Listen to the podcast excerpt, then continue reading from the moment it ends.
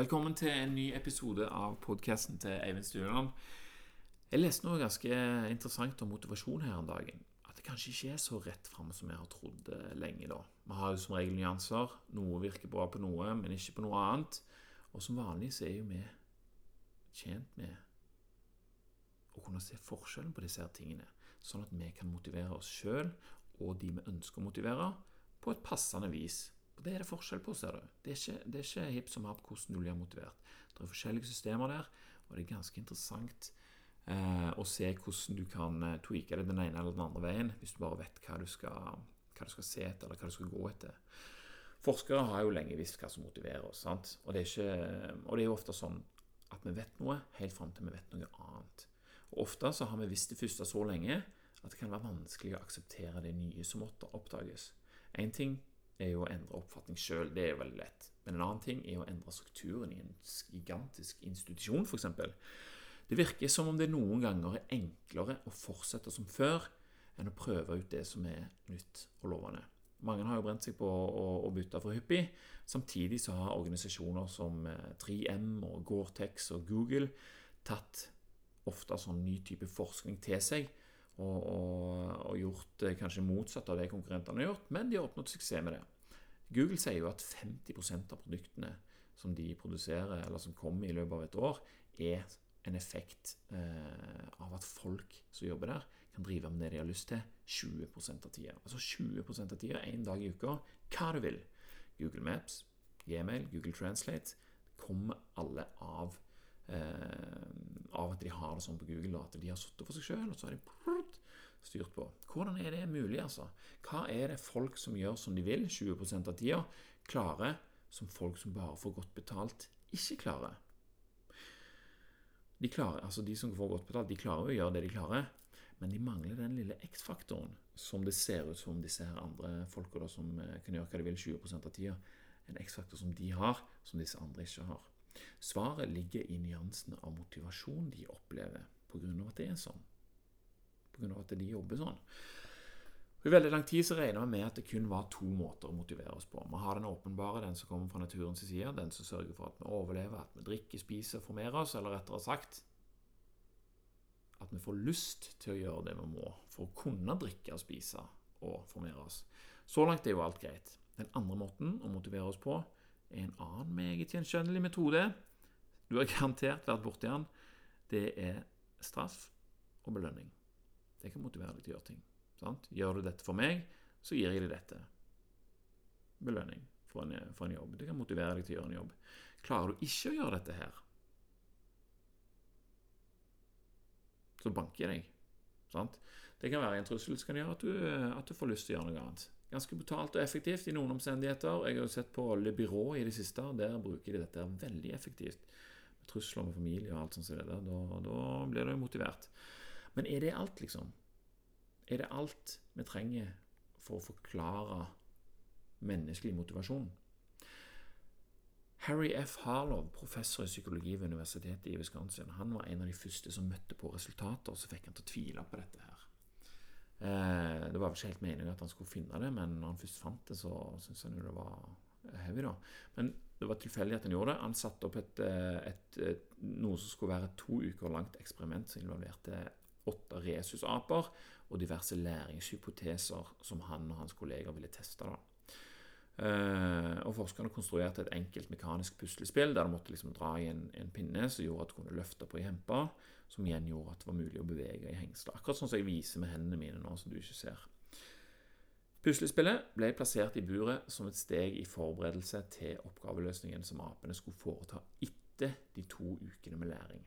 Men før noen rakk å motivere med verken rosiner eller kokain, så begynte apene å fikle med puslespillet av seg sjøl, med fokus, besluttsomhet og det som kan beskrives som fornøyelse.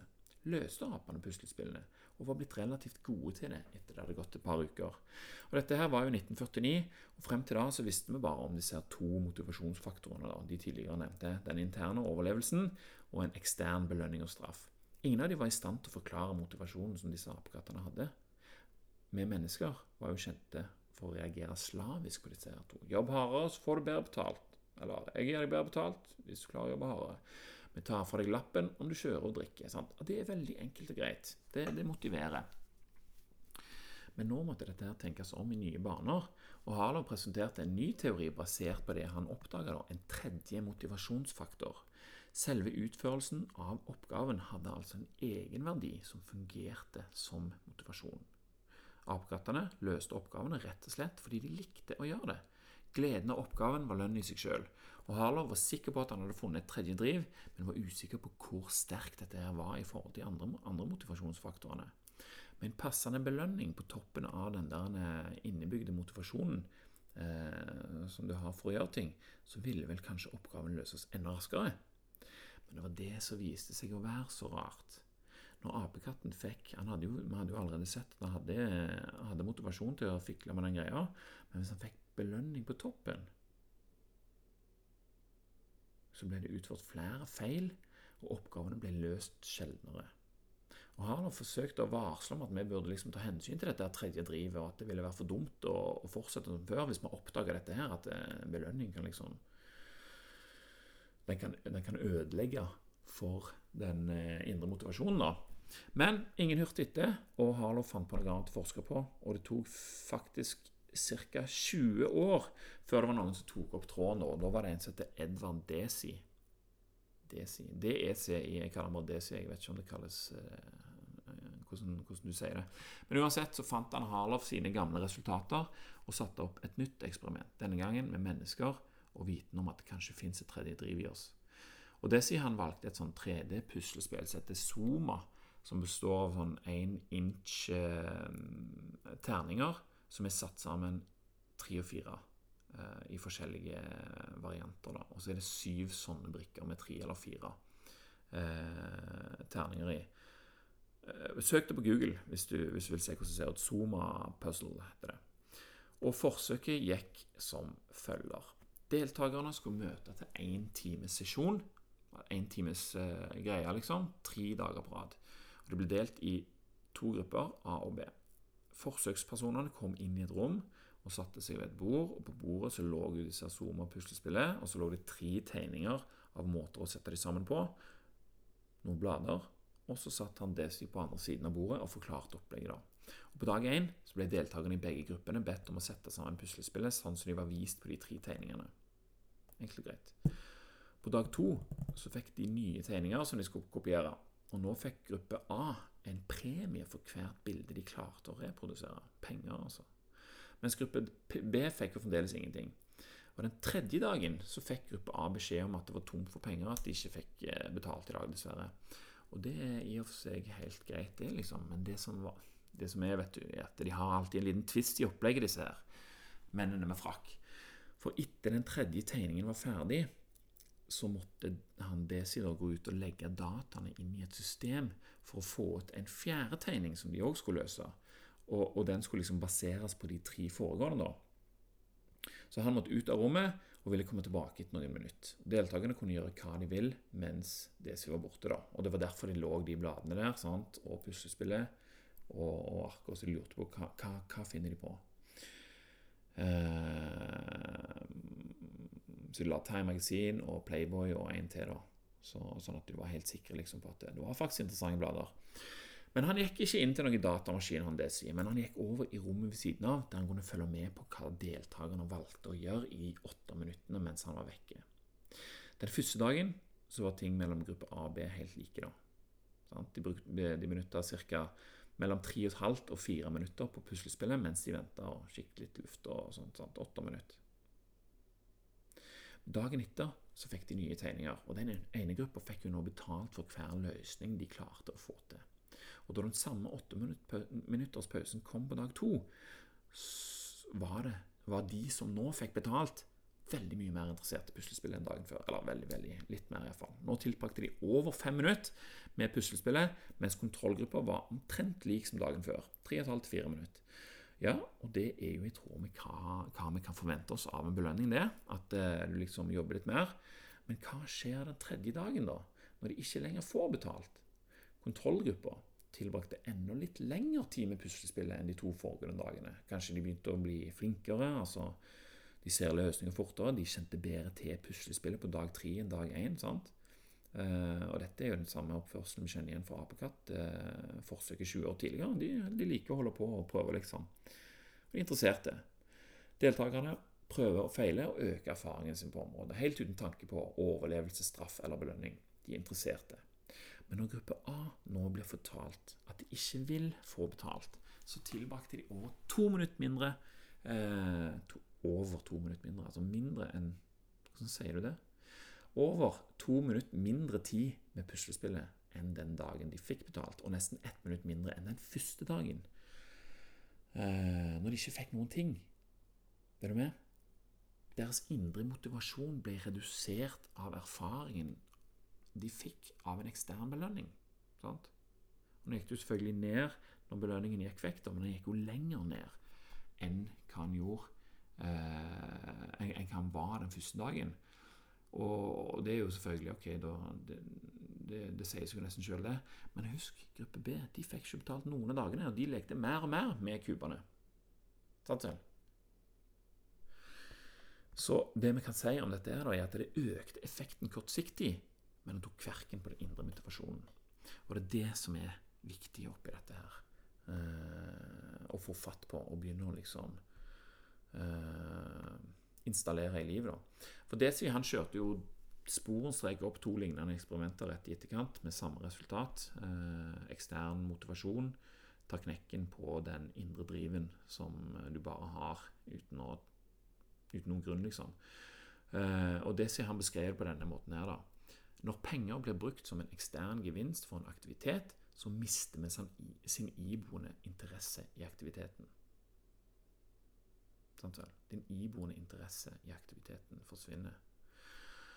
Tenk litt over det. Tenk litt på hvor lett vi går for å belønne en framtidig ønska atferd hos ansatte, medarbeidere, ungene våre, foreldrene våre, hva som helst. Det er så vanlig.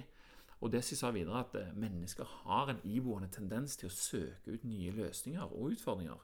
De vil utvide og trene sin kapasitet. De vil utforske og lære.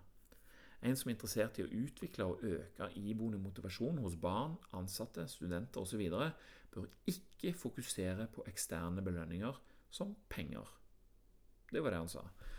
Sånn, penger, og kanskje karakterer òg, altså det er veldig mye sånne belønningsting som vi har eh, i samfunnet. For ikke å snakke om eh, alle disse ungene som går er med på sånn uh, løp og, og, skiløp og så forskjellig, så får alle liksom den samme pokalen. Hmm. Er det så motiverende? Eller mister de gleden av å gjøre det fordi at de kanskje gjør det uten at de får en pokal, liksom?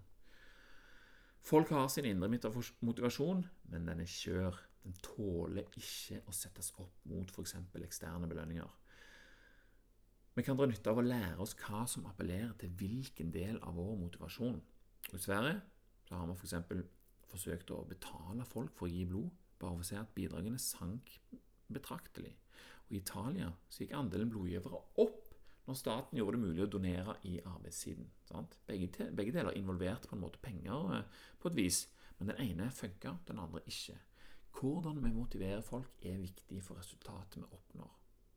Og Som det står i boka, det er ofte en forskjell på hva vitenskapen forklarer oss, hva vi vet ut ifra hva vi har liksom forska på, og hva vi ender opp med å gjøre. Sant vel? Vi vet én ting, men vi gjør en annen ting. Ting vil jo bli lettere for oss om det vi gjør, samkjøres bedre med det vi vet. Det, jo, det, det kan du lage en helt annen episode om, for det er vanskelig nok i seg sjøl. Men vi vet iallfall at, det, at det bør bli sånn, så la oss lære nå hvordan vi skal gjøre dette. her. Belønn de gode og straff de dårlige. Sant? Det er sånn vi tenker mye, og det er ikke rart. Det er jo sånn vi har organisert habitatet vårt i all den tid vi kan huske. Det funker som bare juling. Fengsel og, fengsel og bonus. Mer resultater med mer belønning. Uønsket oppførsel begrenses straff. Mennesker har problemer med å slutte med noe som fungerer til fordel for noe som bare i teorien gir bedre resultat. Det de allerede kan, er det lett å fortsette med. Å starte med noe helt nytt er krevende, og noe vi må anstrenge oss for å klare å tilpasse oss. Det er ikke lett for et menneske å se at en skal kunne få mer i lengden av å gjennomføre en krevende endring. Altså, Hjernen vår funker ikke på den måten at vi lett kan se det for oss. Det blir anstrengende. Men mennesker har helt klart Altså, Vi er helt klart best i verden på å kunne tenke framover og planlegge og forestille oss noe bedre. Men det er ikke dermed sagt at vi kan gjøre det uten at vi havner i konflikt med deler av vår bevissthet som vil skjerme oss for det som oppleves som en begrensning eller et tap i forhold til det som er den nåværende situasjonen. For vi har investert mye i å bruke én teknikk, kanskje. Sant? Og, og, for å skifte over i en annen, så må vi på en måte eh, Så opplever vi at vi taper. Altså den eh, reptilhjernen vår, eller hva du skal kalle den, opplever det som et tap. Og det er litt sånn traumatisk for oss å gå gjennom. Dermed så eh, stritter vi imot, liksom. Uten at vi vet det, da, selvfølgelig. Det er bare litt av prosessen som skjer i bakhodet. Sånn, du går fra et trygt sted, der kompetansen din er god, til et sted som er helt ukjent, og der du har ingen kompetanse. Alt må bygges opp fra nytt igjen. Sant? Veldig klart det stritter imot. Og Jeg har sett mange eksempler på dette her i de fleste jobbene som jeg har hatt. med en gang det kommer endring. Folk stritter som bare juling. Men etter en stund så er det plutselig gått over denne endringen, og så er de stortrives liksom i, i det nye. For da er usikkerheten bytta ut med bedre forståelse av hvordan man kan håndtere dette nye systemet. Så En av grunnene til, grunnene til at dette her er mer aktuelt enn noensinne, det er at mange vestlige land ikke lenger utfører repeterende fabrikkarbeid. Den typen arbeid som godt kan ha en god effekt av å bruke belønning og straff. Og Det er jo derfor vi er så vant med det òg. Fordi de fleste arbeidsoppgavene som folk har gjort, har handla om å jobbe i en fabrikk eller, eh, eller sånne ting.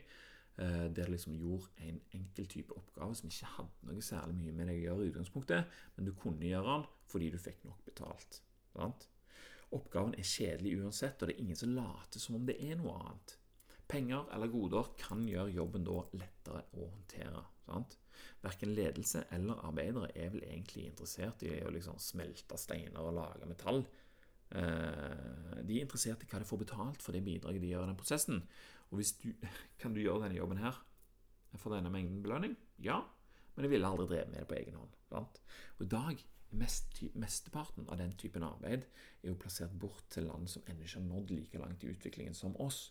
For vi er ganske høyt oppe i verden sånn som vi har det nå. Vi har sendt arbeidsoppgavene vi ikke lenger vil gjøre, som er disse her, som er litt kjedelige, til noen som mer enn gjerne vil gjøre dem. Noen som ser på sånt arbeid som et verktøy til å øke livskvaliteten sin. Akkurat som våre forfedre gjorde her en forrige generasjon og to generasjoner og tre generasjoner siden. De tenkte jo sånn at å, får du en jobb, jobb på den fabrikken, bli pensjonist, alle tiders. Men sånn er det ikke lenger. Nå er det veldig dyrt å betale en norsk arbeider fordi at vi vet at det er billigere alternativer eh, i Bangladesh f.eks.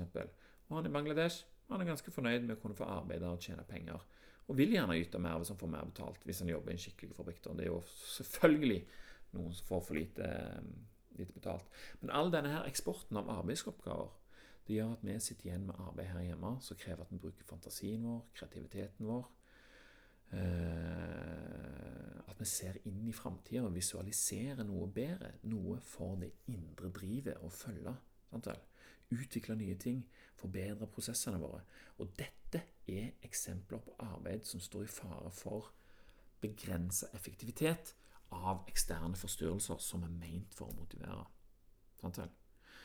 Toppsjefer som får dritmye lønn og en heftig bonus, liksom. Ja, det er egentlig ikke så motiverende som hvis du har en leder som virkelig har et eh, større bilde på hva han vil oppnå. da, for å si Det sånn. Det er en indre driv som, eh, som gjør at du kan bruke kreativitet og øh, og, og liksom hodet ditt til, til, å komme med innovasjon.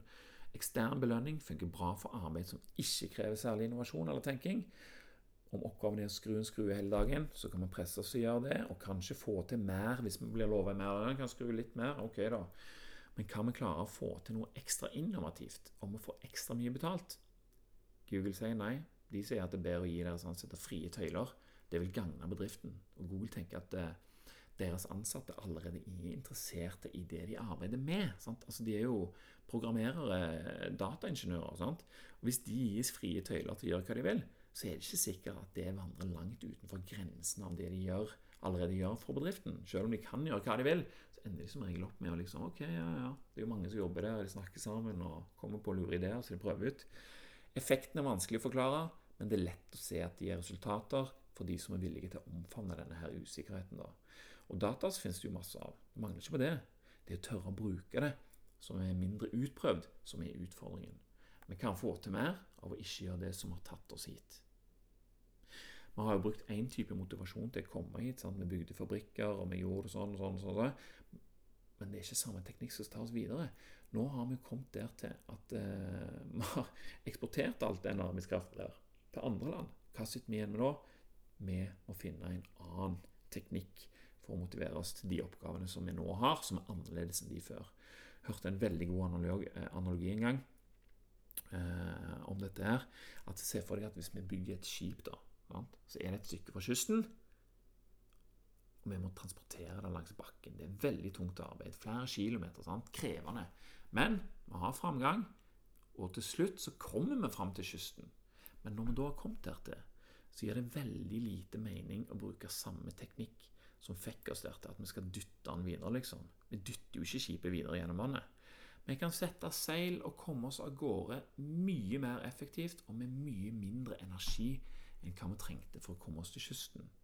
Og det er først her vi kan benytte potensialet av fartøyet vårt. Kan vi tenke sånn om hodene våre òg? Er det på tide å sette seil? Mer om indre driv tror jeg vi skal lage en til episode av, så det får du høre om neste gang. Takk for nå. Takk for meg. Vi snakkes.